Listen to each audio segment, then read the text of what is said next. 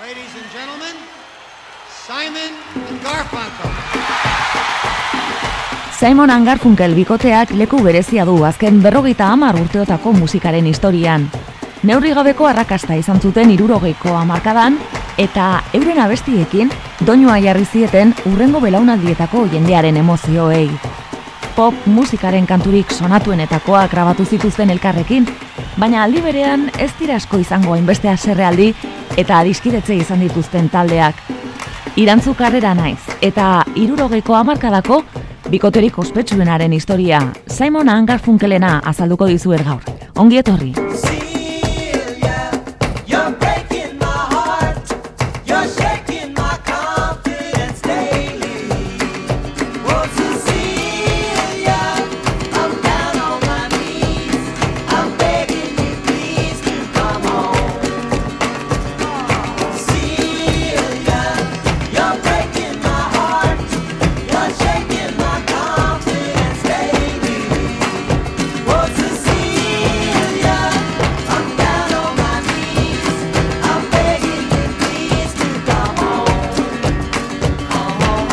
Harmony Game, irurogeiko hamarkadan estatu batuetako eskoletan antolatzen ziren musika lehiaketa haietako bat izan zen Simon Garfunkelen ibilbidearen abia puntu. Beste askoren abezala, baina Paul eta Art disko bat grabatzera iritsi ziren. Bietatik Paul Simon zen letrista eta musikaria. Art Garfunkel abeslari miresgarria. Burua eta botsa ziren. Bata altua bestea ez, irekia bat bere baitarako abestea, Simon Garfunkelek lau urte eskasean pop musikaren historian betirako gelditu diren kantu aztezinak utzi dituzte. Bye bye love, bye bye happiness, hello loneliness. I think I'm gonna cry. Paul Simon eta Art Garfunkel eskolan batera ibili ziren. New Yorkeko Forest Hill auzoan hasi ziren eta Everly Brothersen estiloa jarraituz amala urte zituztela hasi ziren kanta konposatzen eta grabatzen. Deitura artistiko modura Tom and Jerry aukeratu zuten, baina Disney etxeko katua eta xaguaren erreferentziak saiestezinak zirenez, izen honekin oso gutxi irauntzuten. Euren lehen abestietako bat Hey Schoolgirl izan zen. Arrakasta polita izan zuten. Top 50 zerrendan sartzea lortu zuten eta telebistako saio ospetsu batean elkarrizketatu zituzten gainera. Hey, schoolgirl in the second row. Teacher's looking over, so I gotta whisper way down low. You say, who bop bop, let's meet at the school after. She said, hey, babe, but there's one thing more. Our school is over at a half past four. Maybe when we're older, then we date. Ooh, let's wait. Unibertsitate garailean bakoitza bere aldetik ibili zen. Artik matematikak ikasi zituen New Yorkeko Columbia ikastetxean. Bakarlari modura, entzuten ari garen abesti honen moduko kantuak kaleratzen zituen bitartean. I've got a teenage heart the same as yours.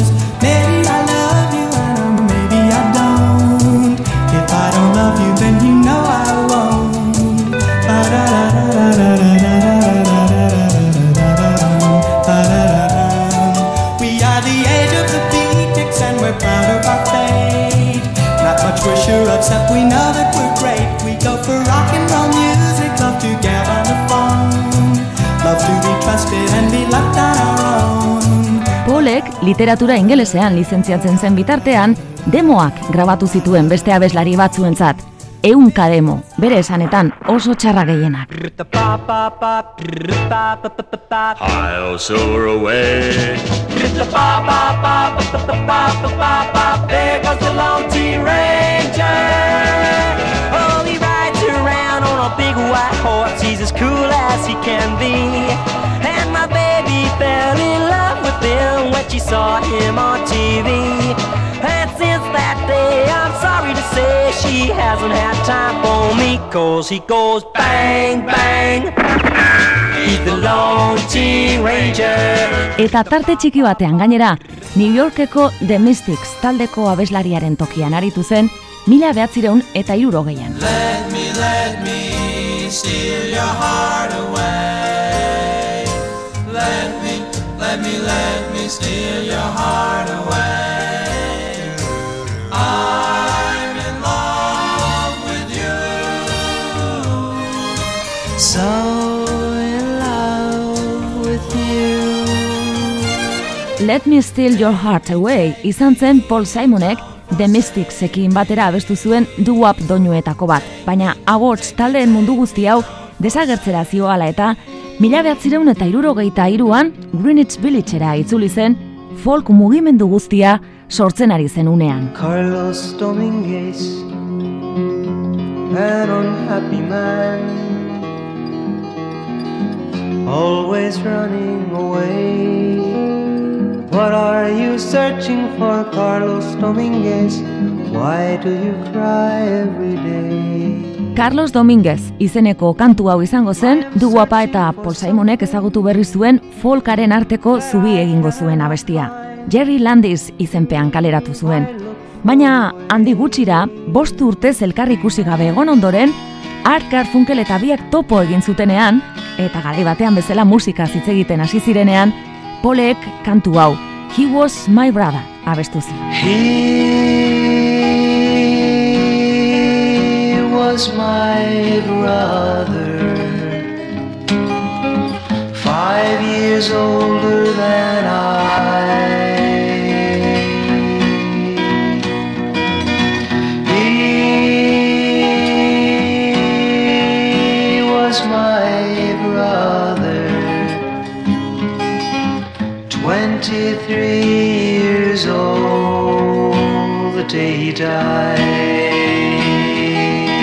Mila behatzirun eta irurogeita lauean, giza eskubideen aldeko manifestazio batean, kukus klanek erail zuen lagun bati eskenia, He Was My Brother erabaki horra izan zen. Handik aurrera, Art Garfunkel, Paul Simonen abestietan abotsa sartzen hasiko zen. Bere ala konturatu ziren, soinu berezia lortzen zutela, komertziala gainera, eta ensaiatzen hasi ziren Landis and Garfield izenarekin. I can hear the soft breathing of the girl that I love as she lies here beside me, asleep with the night. And her hair in a fine mist floats on my pillow, reflecting the glow of the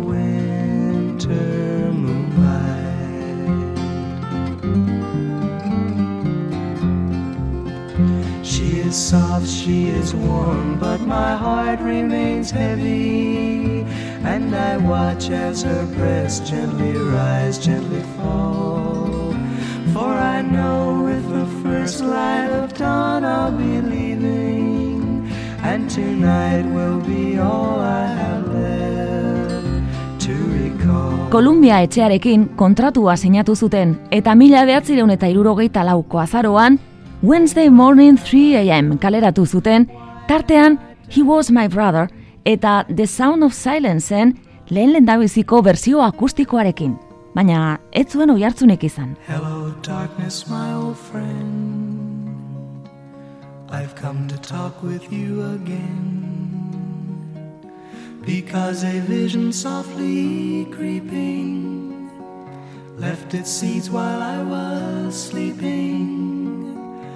And the vision that was planted in my brain still remains within the sound of silence.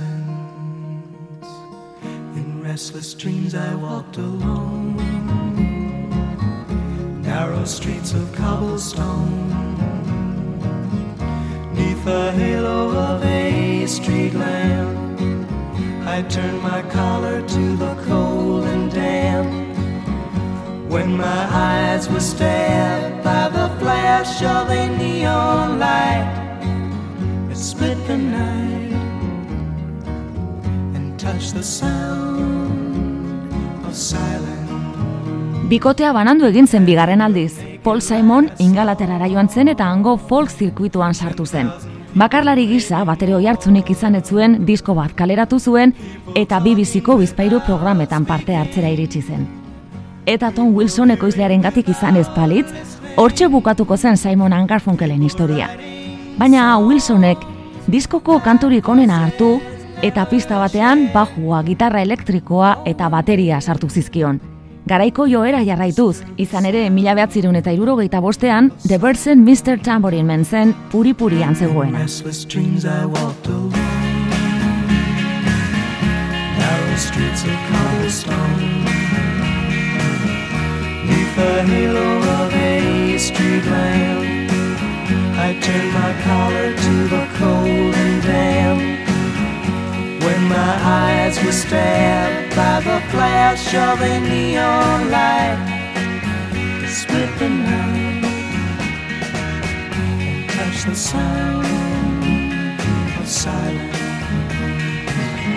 And in the naked light I saw ten thousand people, maybe more. People talking without speaking People hearing without listening. People writing songs that voices never share. No one did disturb the sound of silence. Fool said I, you do not know. Silence like a cancer grows hear my words that I might teach you. Take my arms that I might reach you. But my words, like silent raindrops, fell. Echoing the wells of silence. Bikoteak ez zituen ondo ikusi Tom Wilsonek ezer esan gabe egindako aldaketak, baina espero ez zuten harrera izan zuen, eta mila behatzireun eta irurogeita bosteko irailean argitaratua, urte berrirako The Sound of Silenceen single berria, estatu batuetako salduenen zerrenda zen, milioi bat ale baino gehiagorekin. Paul Simon New Yorkera itzuli zen, eta negu hartan bertan elkartu zen berriro Art Garfunkelekin, bigarren diskoa grabatzeko. Tituluarekin ez zuten burua ustea handigirik izan. Eta The Sound of Silence izenpean hiru astetan grabatu zuten.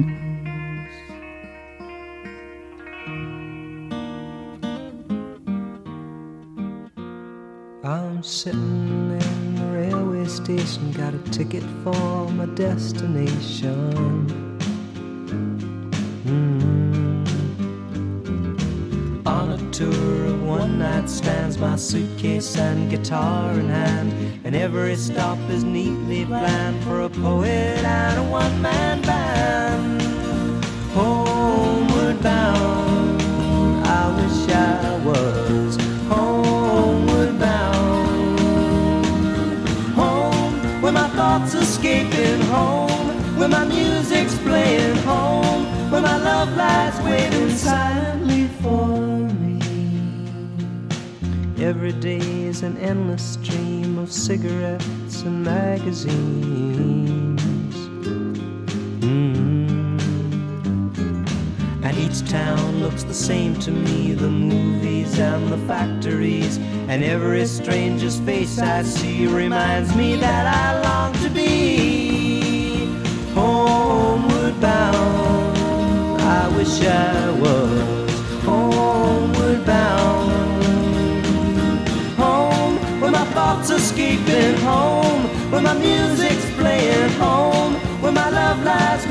silently for me. Tonight I'll sing my songs again, I'll play the game and pretend. Mm. But all my words come back to me in shades of mediocrity, like emptiness and harmony. I need someone to comfort me. Homeward bound, I wish I was homeward bound. Home, where my thoughts escaping home, where my music's playing home, where my love lies waiting silently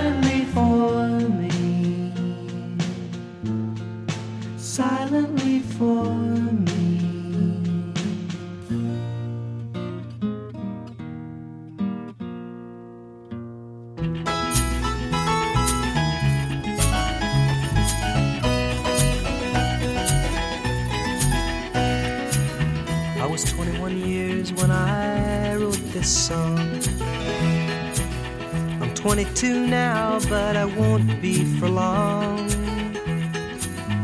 time hurries on, and the leaves that are green turn to brown, and they wither with the wind, and they crumble in your hand. Once my heart was filled with the love of a girl. I held her close, but she faded in the night like a poem I meant to write. And the leaves that are green turn to brown, and they wither with the wind, and they crumble in your. I threw a pebble in a brook and watched the ripples run away. And they never made a sound, and the leaves that are green turn to brown. And they wither with the wind. Leaves Are Green izan daiteke Simon Garfunkelen norabide berria ondoen erakusten duen abestia. Klabezina eta perkusio soinu bereziarekin doinurik itxaskorrena lortu zuten. Abestiaren hasieran dionez, Paul Simonek hogeita bat urte zituen idatzi zuenean. Asko dira Simon Garfunkelen eragina izan duten talde eta bakarlariak, Belan Sebastian edota Billy Bragg sonatuenetako bi. Eta omenaldi modura, hain justu ere, Leaves That Are Greenen hasierako bilerroak hitzez hitz kopiatu zituen Billy Braggek A New England abestian. I was 21 years when I wrote this song. I'm 22 now, but I won't be for long. People ask me when will you grow up to be a man, but all the girls I loved at school are already pushing prams. Well, this is unquestionably my most neurotic song. Now, I finished it, and I thought, oh man, I can't be this sick. It's called I Am a Rock.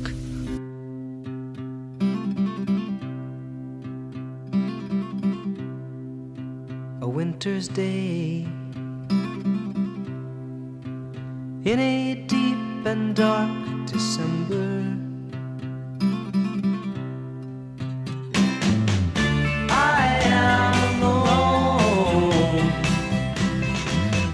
From my window the streets below on a freshly fallen silent shroud of snow. I am a rock. I am an island.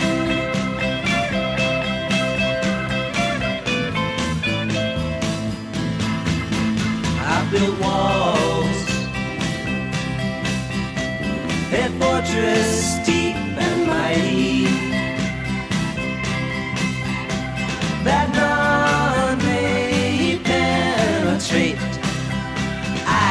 no need of friendship. Friendship causes pain. It's laughter and it's loving I disdain. I am a rock.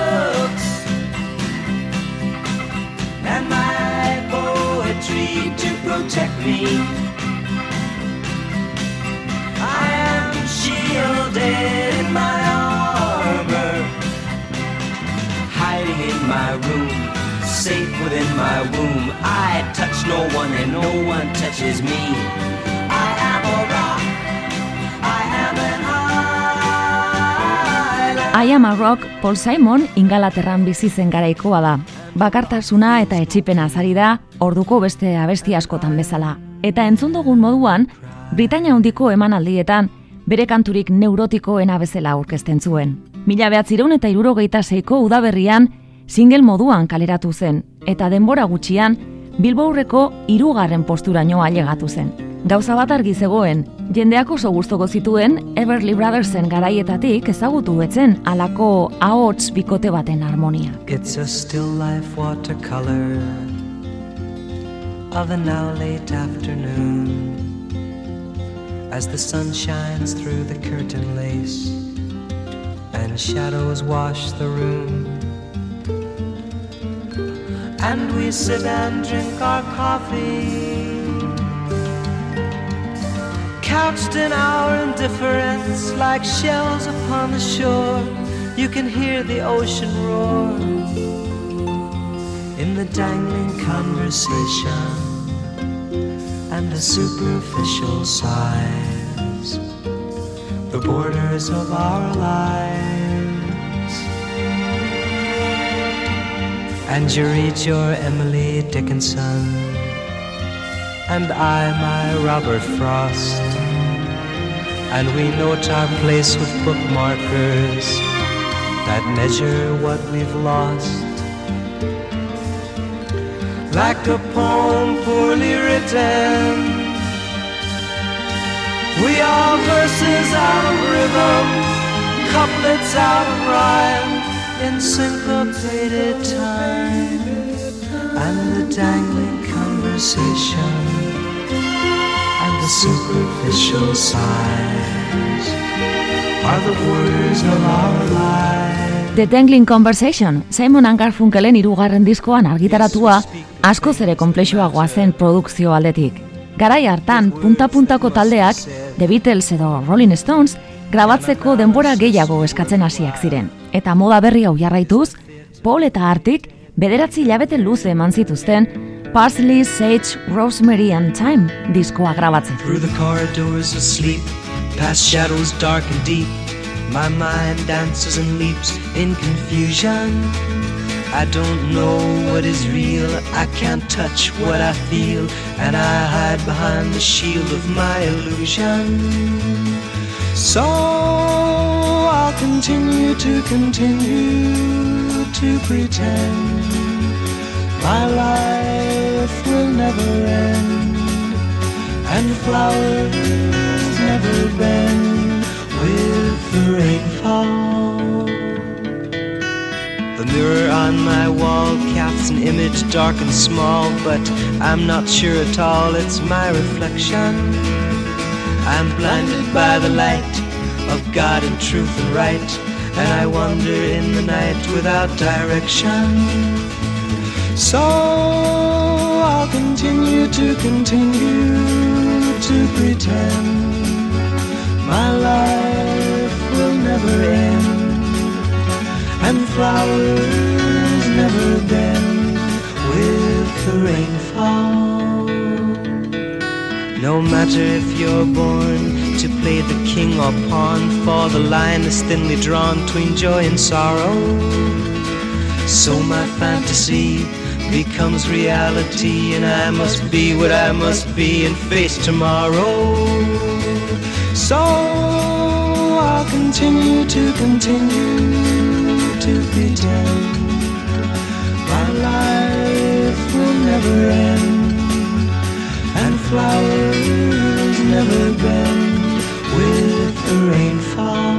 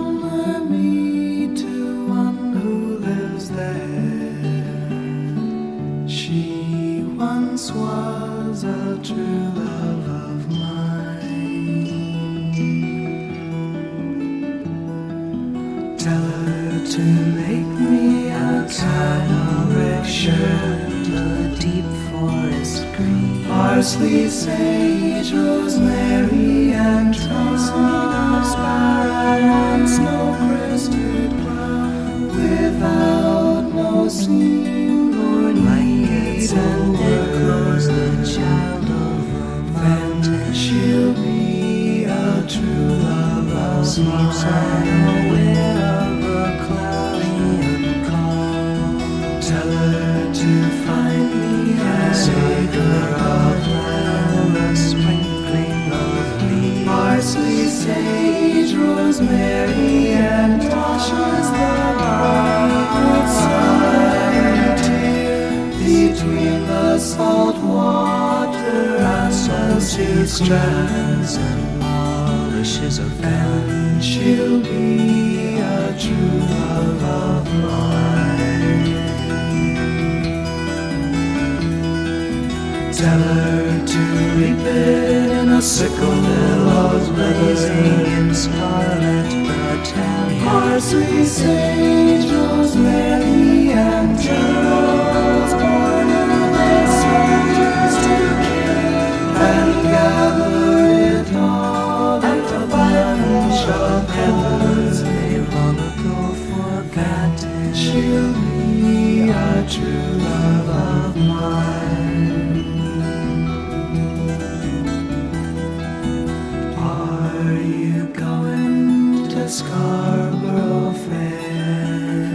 Fair? Art Garfunkelen esanetan, produktorearen papera serio hartu zuten lehen aldia Scarborough Fairen grabaziban izan zen. Roy Hallis soinu teknikariaren nahasketak gainbegiratzen hasi zirenean. Kantu hau Paul Simonek ingalaterran zegoela entzun zion Martin Carthyri, eta ondoren Art Garfunkelek bigarren abotsa erantzi zion. Grabatu zuten egunean, estudioan eun kandelatik gora piztu zituzten atmosfera berezi bat sortzeko. Art Garfunkel. I remember by the time it was finished, Gogoratzen dut, bukatu genuenean, lasai eseri, eta lehenengo aldiz musika entzutean, pentsatu nuen, disko hau, ona da, esango nuke nire bizitzaren momentu oberena izan zela.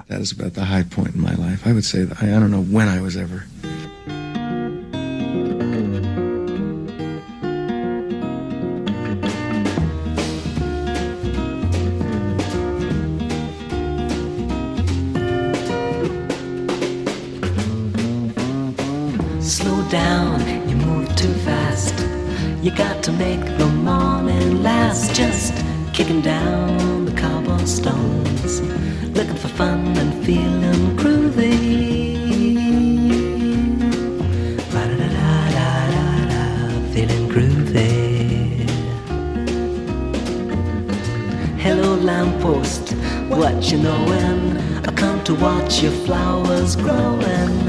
Ain't you got no rhymes for me? Do it and do do, feeling groovy. Da da da da da da, groovy. I got no deeds to do, no promises to keep. I'm dappled and drowsy and ready to sleep. Let the morning time drop all its petals on me. Life, I love you, all is groovy. Parsley, Sage, Rosemary and Thyme diskoak arrakazta izugarria izan zuen. Milioi batetik gora ale saldu zituen eta mundu mailan platinozko diskoa lortu zuen lehen albunetako bat izan zen. Gero eta zuzeneko emanaldi gehiago ematen hasiak ziren bestalde, eta mila behatzireun eta irurogeita seiko abenduan, New Yorken kantatu zuten lehenengo aldiz Simon and Garfunkel izenpean. Hiru mila lagunen aurrean abestu zuten, eta ainarrakastatsua izan zen kontzertua, eunen bat aulki gehiago jarri behar izan zituztela Lincoln Centerrera bildu zen jende guztia sartzedin. Amongst the 23 or 24 songs that Paul has written, there's one that we have never recorded. It's about the only one called Red Rubber Ball.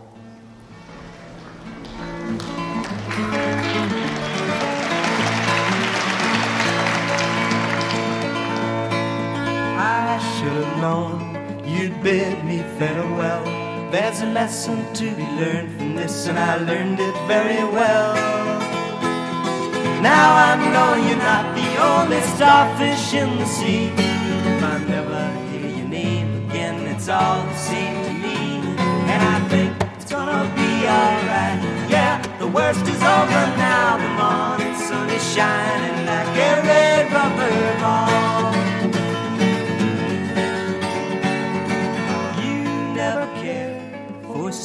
I confide to you. I'm just an ornament, something for your bride.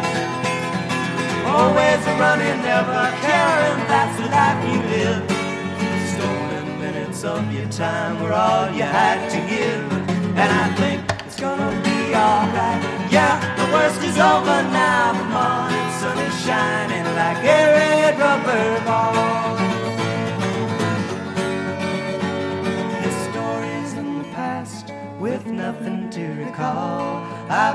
my life to live, and I don't need you at all.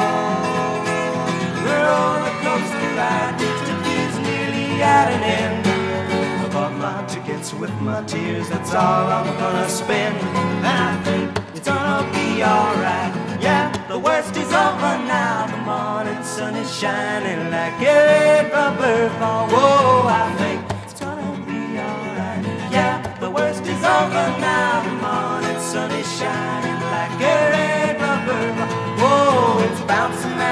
deixar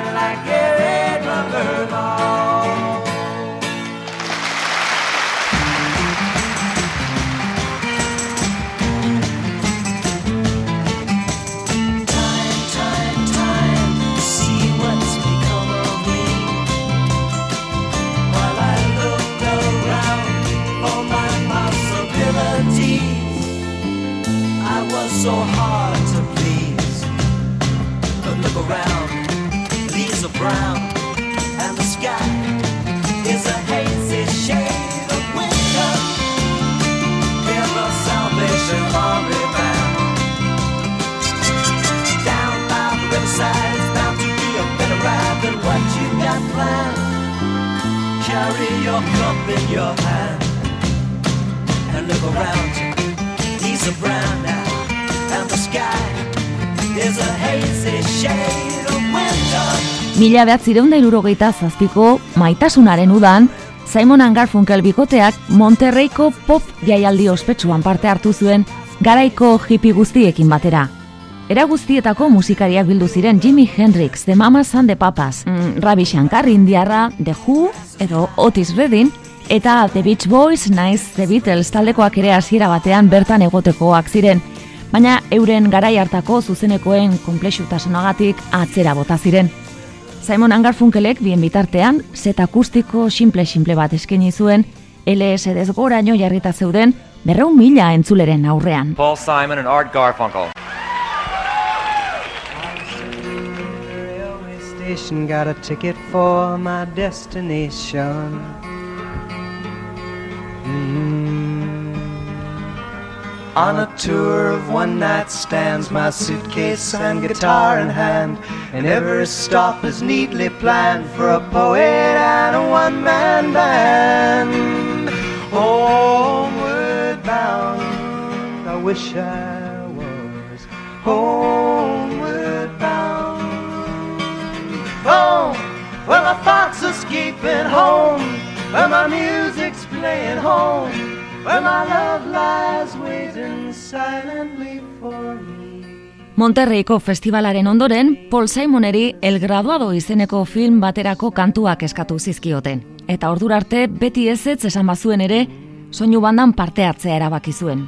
Mike Nichols, garaiko zine zuzendaririk eraginkorrenetako batzela kontutan hartuta. How are you, Benjamin? Fine, thank you, Mrs. Robinson. The uh, bathroom's down at the end of the hall. El Graduado filmatzen hasi zirenean, artean doinu berriak ez zeuden prest, eta Simon and Garfunkelen abesti ezagunak erabiltzen joan ziren. Kontua da azkenean kantu berri bakarra sartu zutela. Mrs. Robinson, edo zehazki esan da, Mrs. Robinsonen estribiloa beste guztia grabatzeke baitzegoen.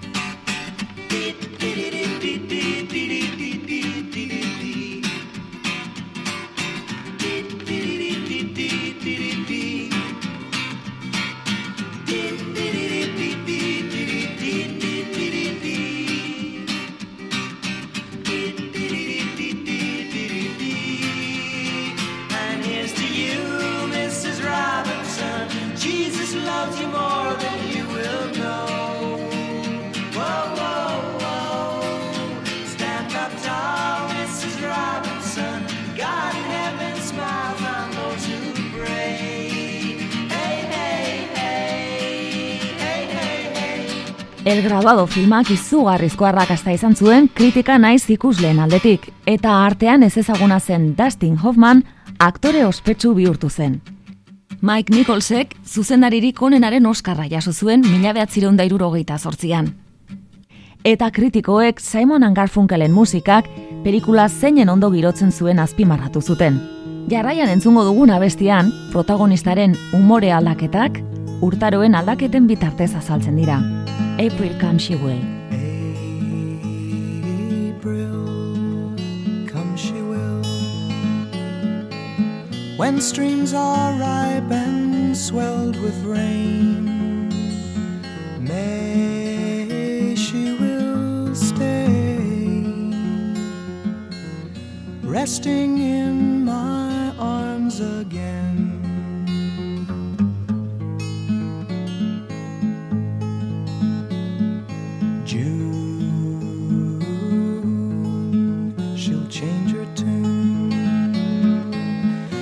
Restless walk, she'll night. July, she will fly and give no warning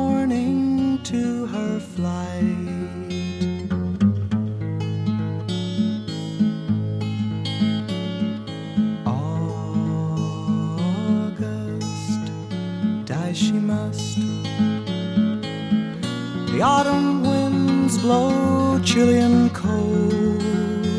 September, I'll remember. A love once new has now. CBS etxeak diskoa kaleratu zuen Paul Simonen gogoz kontra, kantu berri berriak hiru baino ez baitziren. Argi dago beste behin Paul Simonek ez zuela espero bildumak izango zuen arrakasta. Baina, hiru milioitik gorako salmentekin Simon Garfunkel bikotea pop musikaren olimpora eraman zuen. The Beatles eta Rolling Stones taldeen maila berera.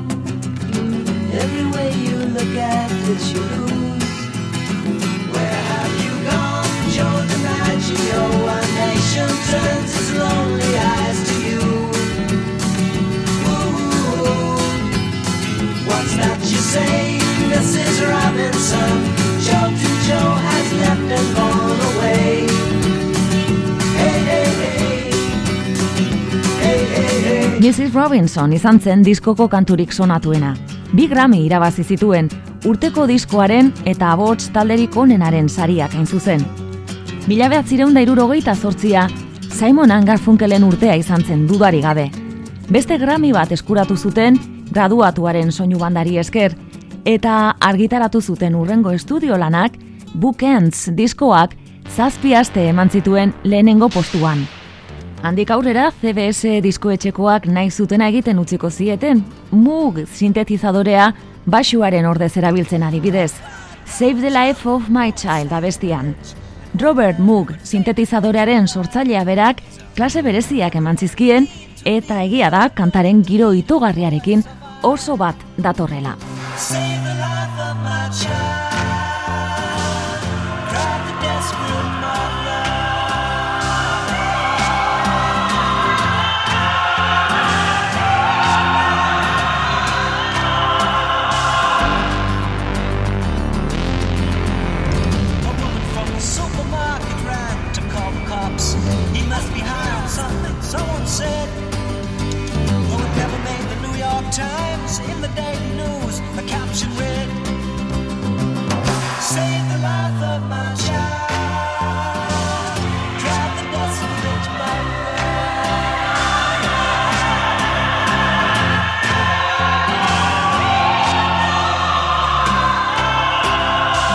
Ba honekin batera, perfekzioaren bila, bikotea gauza gero eta mantsoago egiten hasi zen, eta diskoetxean nekatzen hasi ziren.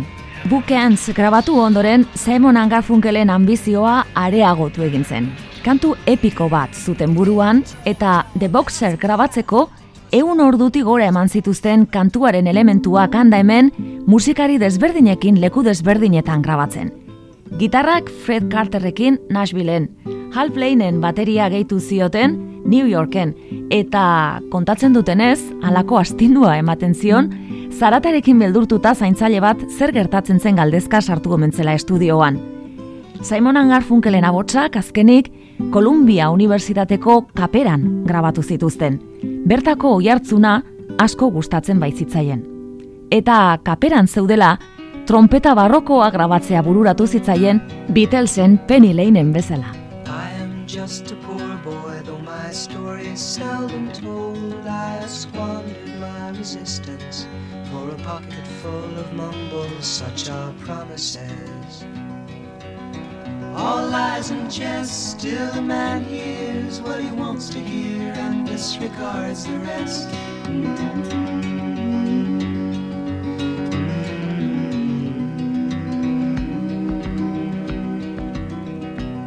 When I left my home and my family, was no more than a boy in the company of strangers in the quiet of the railway station, running scared.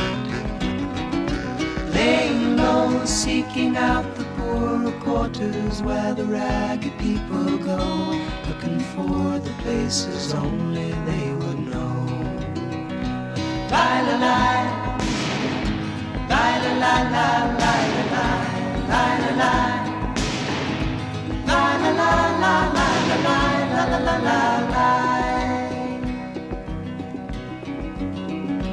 Asking only workmen's wages I come looking for a job but I get no offers Just to come home from the wars on 7th Avenue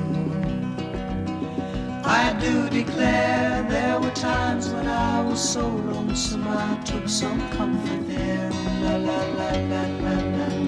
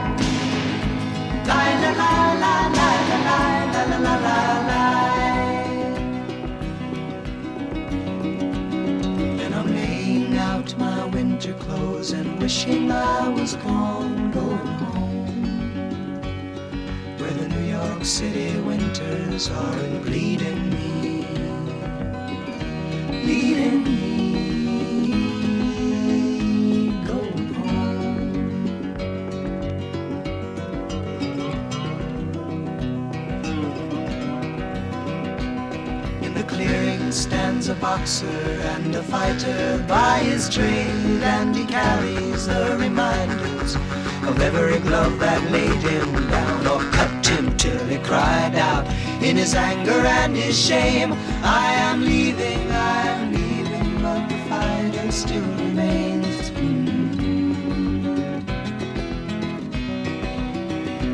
Lie, la, lie. Lie, la, la, la, la,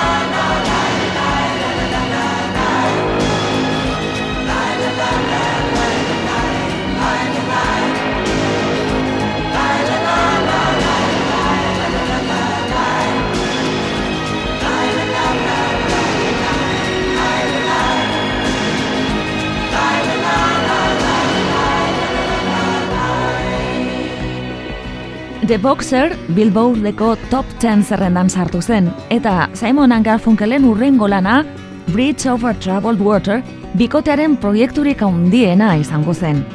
Ordura arteko diskorik arrakastatsuena bihurtu zen berehala.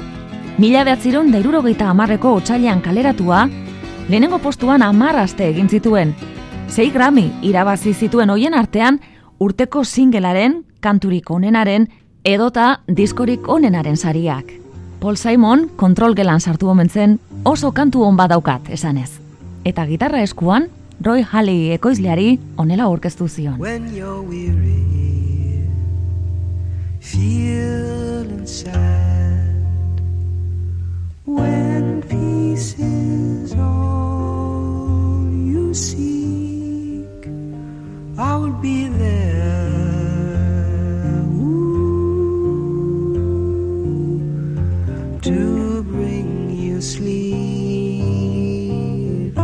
Hiru egun oso eman zituzten Paul Simonek gitarran idatzitakoa pianora pasatzen, gospel likutu berezi hori lortzearren.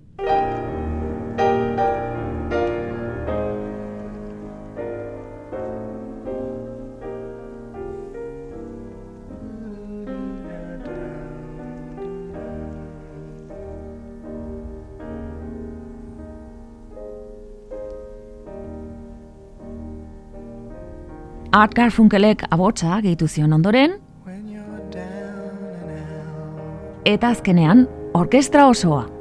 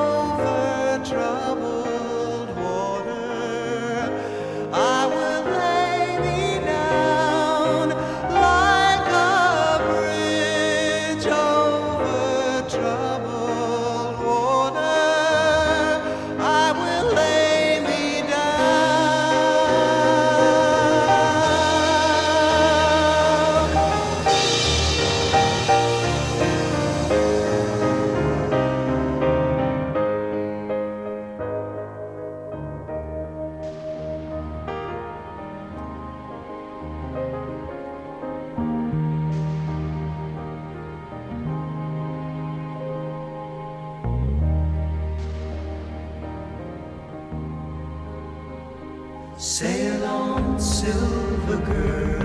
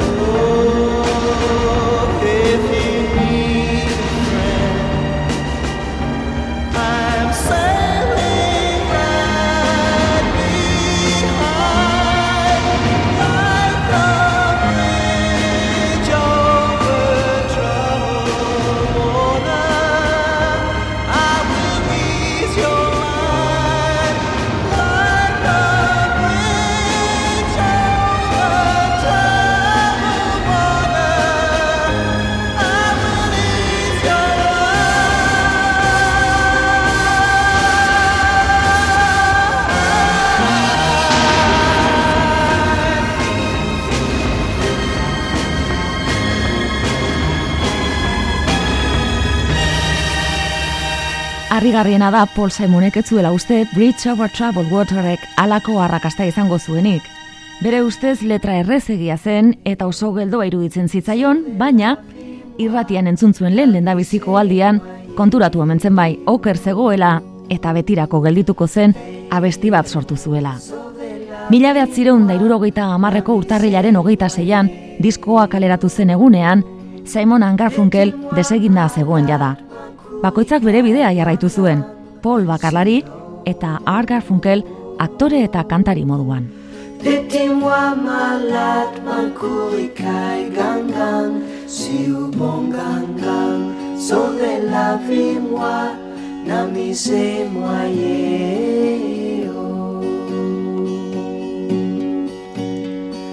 Feo, sauvez la vie namising maeo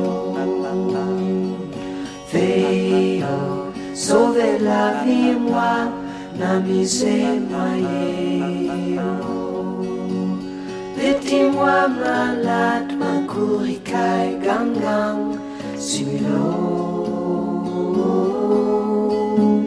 Letimwa malat makurikai gangang Silo bongang gang, gangan sobre la vimwa me, misenwa yeyo na misenwa yeyo